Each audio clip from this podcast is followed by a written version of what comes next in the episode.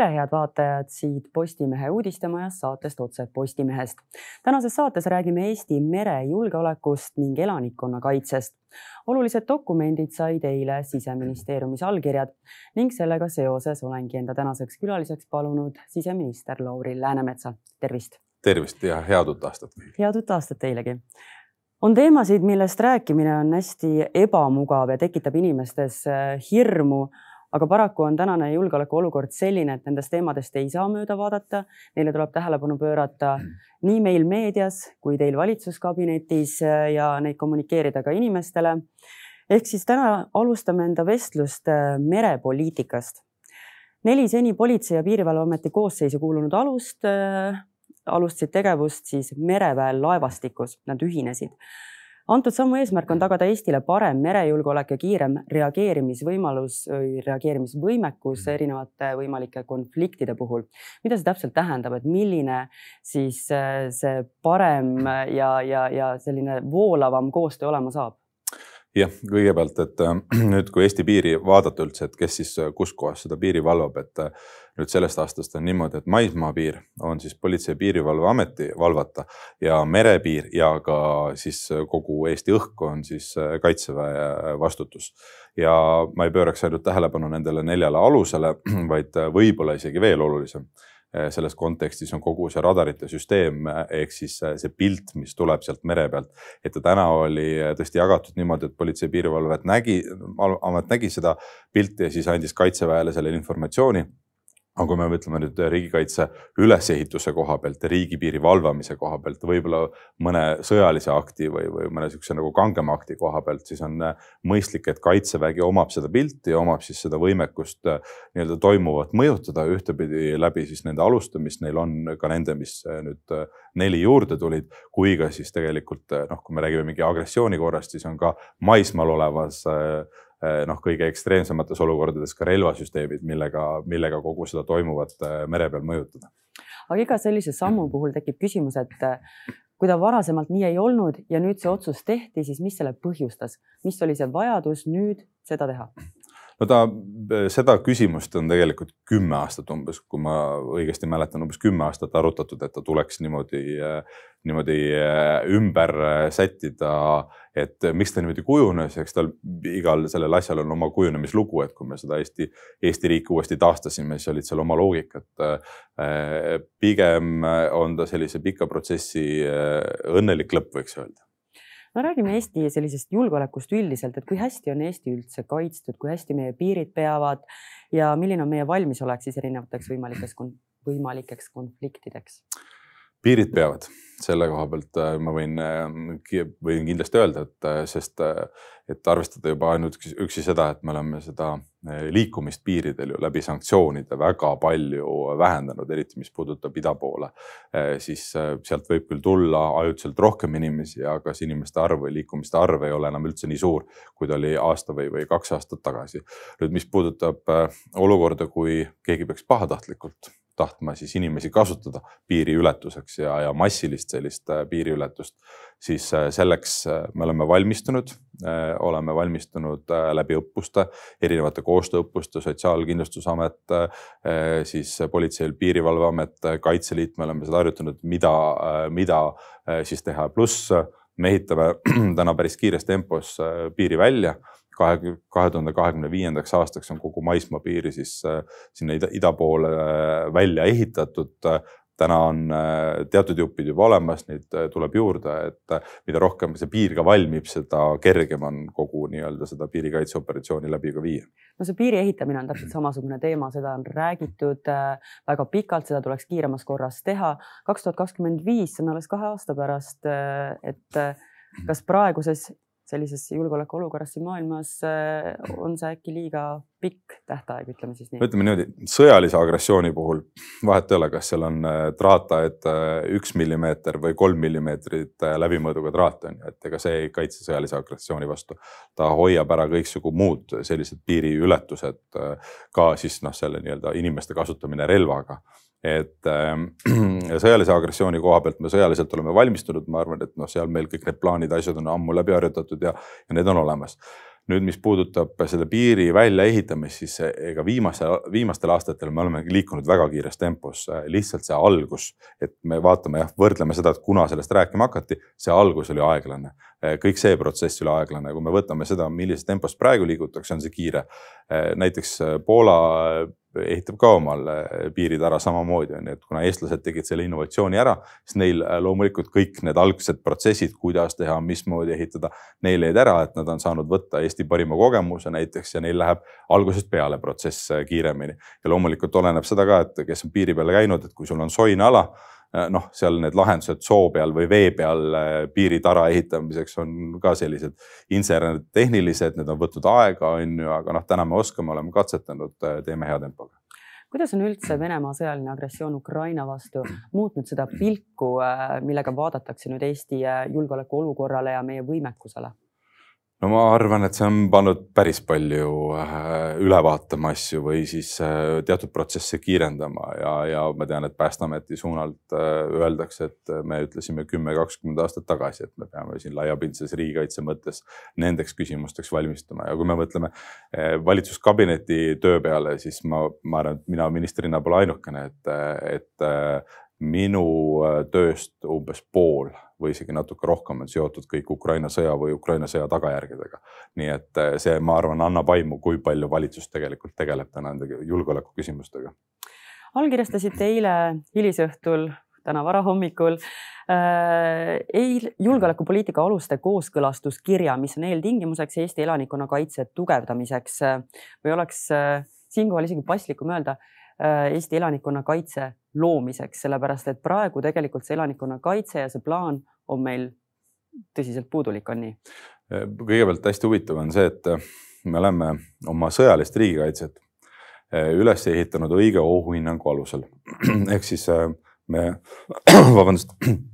kõik see, mida me täna näeme Ukrainas toimumas, kuidas Venemaa sõdib seal ja mida ta teeb. meil on see hinnang täpselt sama olnud, me oleme samasuguse vastase, samasuguste manöövrite vastu oma harjutusi, kaitset üles ehitanud ja see on väga hea, see annab kindlustunde.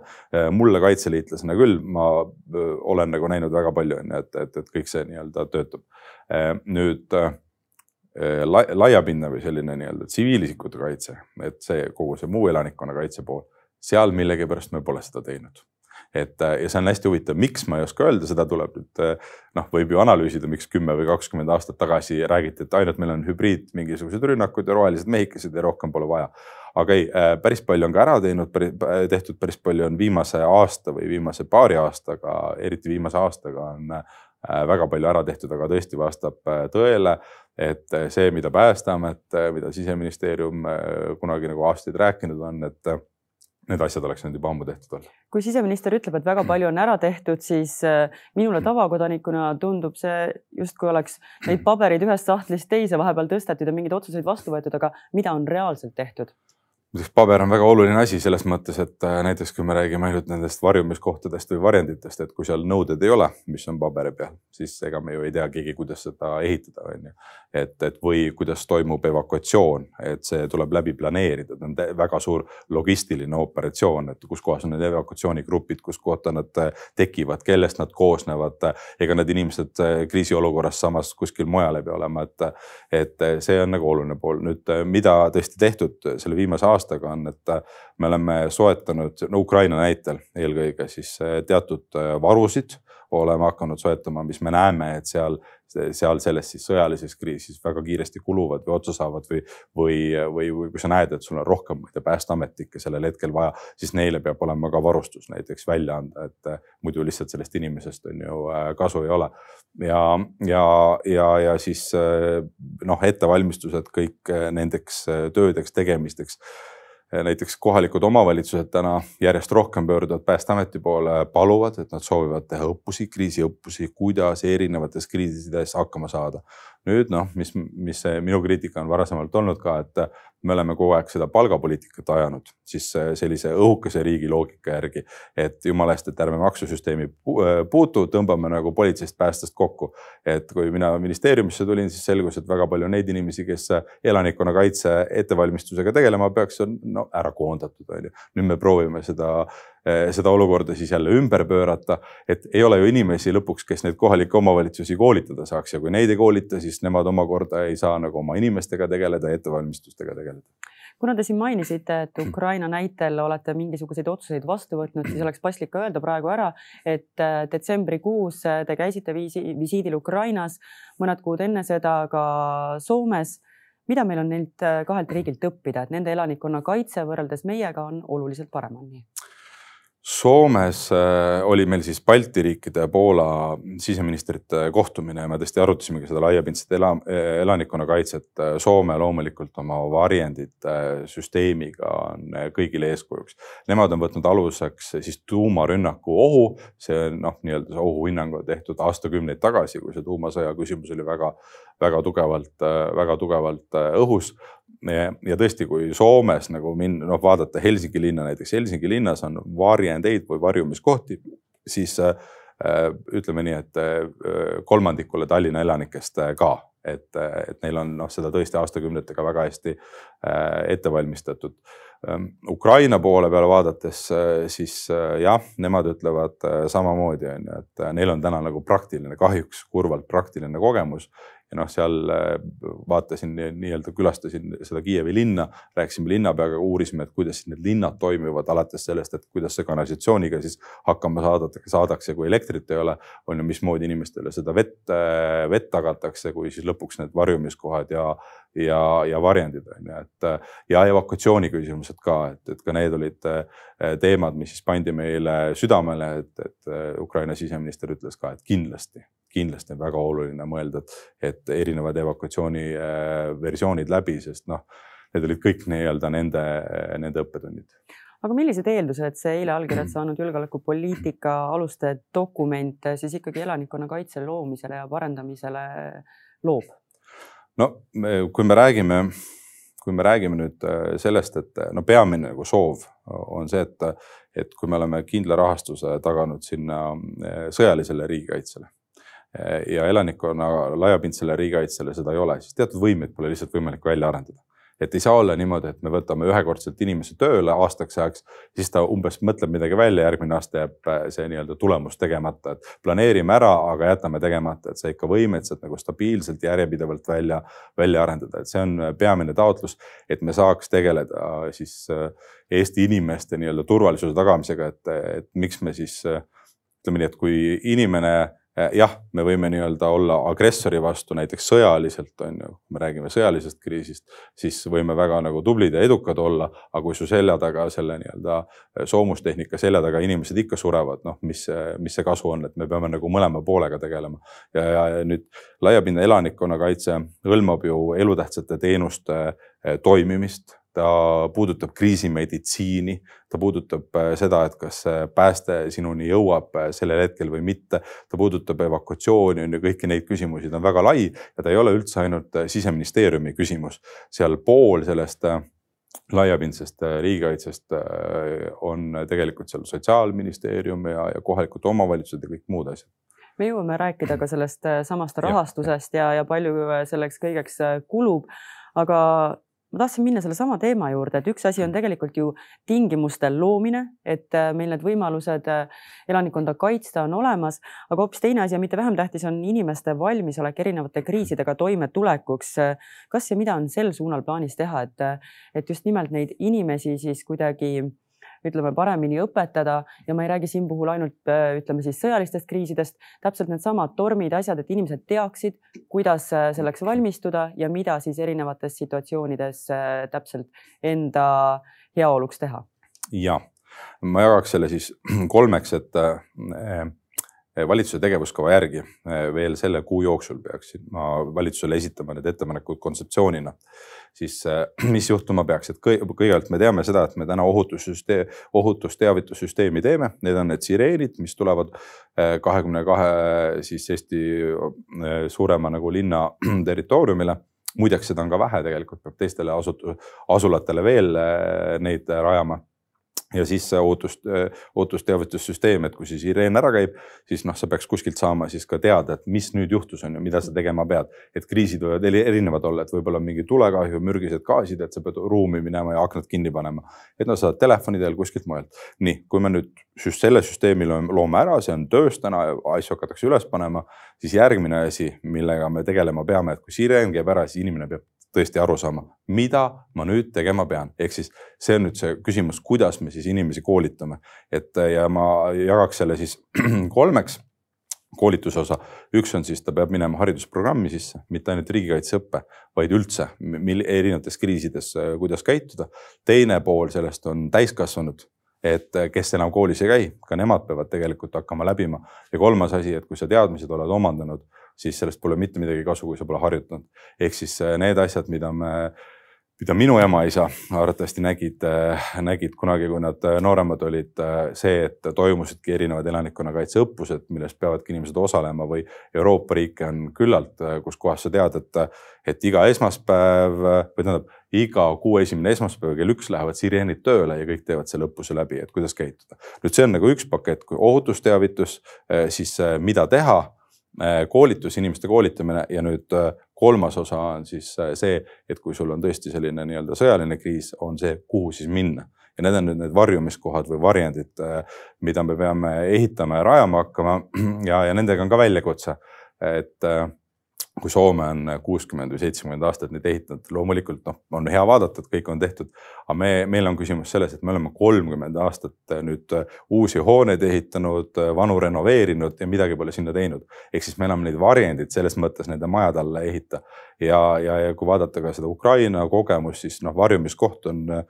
number üks, see tähendab, et ta peab kaitsma sind lööklaine eest, killu eest, on ju, kõige selle eest et põhimõtteliselt see on siis no keldrite ümberehitamine, kohendamine on ju sellised asjad. ehk siis kolm asja, need, need on need, kuida-, kuidas me seda, seda valmisolekut äh, näeme ja ette valmistame. no ütleme, et see dokument saab äh, nüüd äh, ka vajaliku heakskiidu Riigikogust. kui pikast plaanist me siinkohal räägime, kui kaua see kõik aega võtab, et me saaksime olla rahul enda sellise laiapindse elanikkonna kaitsega? Need erinevad asjad võtavad eri, erineva aja, et kahtlemata kõige kauem võtavad aega varjumiskohad, et kui nad äh, puudutavad äh, korterelamuid, mis on siis eraomand, on ju äh, noh, riik esialgu, ma arvan, et see taktika võiks olla selline, et me esialgu soodustame, ütleme, tehke, sest väga palju on huvi, väga palju on huvi. päästeametist küsitakse iga nädal, et mis on need nõuded, mida ma tegema peaks, kui ma ehitan, on ju et üks on see, et me teeme alguses vabatahtlikult, sest ega ressursse ka korraga nii palju ei ole ja siis mingil hetkel ma arvan, riik peaks ütlema, et nüüd võiks kohustuslik olla. et äh, mis need täpsed tingimused on, me veel ministeeriumis paneme neid paika, räägime teiste ministeeriumitega läbi, et ma seda väga täpset horisonti hetkel ei saa öelda. ma arvan, et äh, varjumiskohtade juures siin kümme, kakskümmend aastat äh, kindlasti nüüd koolituse juures tegelikult järgmise nelja aasta jooksul võiks Äh, minu arvates võiks olla ambitsioon et, et viiskümmend protsenti Eesti elanikest on siis äh, mingil tasemel selle elanikkonnakaitse koolituse juba saanud nagu ma siin saate alguses ütlesin, et tegelikult need julgeolekuteemad on sellised teemad, mis tekitavad inimestes paratamatult hirmu. tundub, et me valmistuksime justkui millekski kindlaks. Äh, kas te tõmbate selle hirmu maha ja ütlete, et tegelikult on lihtsalt parem valmis olla ükskõik, mis õnnetus võib juhtuda? nii on, et miks harjutatakse, miks miks needsamad päästjad harjutavad kogu aeg või, või, või kaitseväelased harjutavad, nad harjutavad sellepärast, et kui juhtub, siis äh, sul on see lihas mälus, sa tead täpselt, et ma olen äh, eelmise aasta lõpupoole, kuskil oktoober-november, ma sattusin olema ühel laadal, kus kohas äh, kus kohas ühel inimesel oli terviserike ja tuli südamemassaaži teha. minu jaoks ei olnud küsimus, kuidas südamemassaaži teha, kuna ma pole nende situatsioonidega nii palju nii-öelda päris situatsioonidega kokku puutunud, siis peamine küsimus oli see, et kas nüüd on õige hetk, on ju et mida rohkem sa oled harjutanud, seda vähem sa küsid endalt, kas nüüd on see hetk, et mida ma tegema pean, vaid sa tead, et sa eh, noh, nii-öelda käitud automaatselt. kõige lihtsam asi, need harjutused, mida tehakse koolides, lasteaedades ka, kui on, läheb see alarm tööle, et ma ei tea, tulekahju, midagi sellist, siis lapsed teavad, õpetajad teavad, võetakse kätest kinni, minnakse välja, nad teevad seda, seda, lihasmällu panemine. ehk see tegelikult, see harjutamine tagab pigem suurema turvalisuse me jõudsimegi nüüd selle finantsilise pooleni, et äh, kõik need plaanid, äh, mis teil on nõuavad ju loomulikult ka rohkem rahastust. see tähendab püsivamaid rahalisi vahendeid riigieelarvest ja nagu ma aru saan, siis konsensust täpsete summade osas ning nii-öelda pikka plaani Eesti jaoks valitsuskabinetis vist ei sündinud. et mis summadest me siinkohal räägime ja, ja mille taha see üksmeel seal takerdunud on? nüüd saab kahest asjast rääkida, et äh, elanikkonnakaitse koha pealt, et jah, ma olen teinud selle ettepaneku et, et null koma viis protsenti SKP-st peaks minema, see on siis umbes sada nelikümmend miljonit eurot äh, aastas. pool sellest siseministeeriumi valitsemisala, pool haiglad, kõik äh, muud ettevalmistused, mis on vaja teha. ja, ja tõesti, kui ma selle kontseptsiooni äh, sinna valitsusse viisin, siis me selles küsimuses nii-öelda otseselt kokku ei leppinud, et seda üksmeelt toona ei olnud aga nüüd on julgeolekupoliitika alused, mis valitsus peab veel sellel aastal Riigikogule esitama. Nende täiendamine on, me tegime siseministeeriumi poolt uuesti selle ettepaneku ja see on nüüd äh, põhimõte, et mismoodi Eesti riigikaitse üles ehitatud on. ja meie tähelepanekud siin on, et kui me ei lepi kokku kindlalt rahastust, siis teatud võimete arendamine tegelikult jääb äh, poliitiliste hetke emotsioonide ja kõige muu nagu taha ja see ei paku turvalisust kellelegi. ja, ja teine pool on see, et me peaks äh, siis kogu selle elanikkonna kaitsega selles julgeolekupoliitika alustes üldse välja tooma, et teda täna äh, tänases dokumendis ei ole, aga tõesti, see on tööprotsess hetkel ka. et, et see paber pole veel jõudnud valitsuse laua taha, et, et sinna läheb veel paar nädalat aega, aga see null koma viis protsenti, ma hindan, et ilma selleta jääb, me ütleme nii, et siis on see pool nagu rehkendusest tehtud, teine pool on tegemata. aga julgeoleku küsimustes me ei saa poolikuid rehkendusi teha. aga mis olid need erinevad argumendid seal valitsuskabinetis, mille taha see esimene pool ikkagi äh, takerdus? Ma võin, minu arvates nagu seal nii-öelda julgeoleku koha pealt ma neid argumente ei kuulnud, et seal meil on üksmeel olemas, pigem no võiks öelda, et et, äh, et on küsimus selles, et on erinevad nägemused, kuidas riigieelarve ja üldse riigi nagu finantspoliitika peaks olema ja seal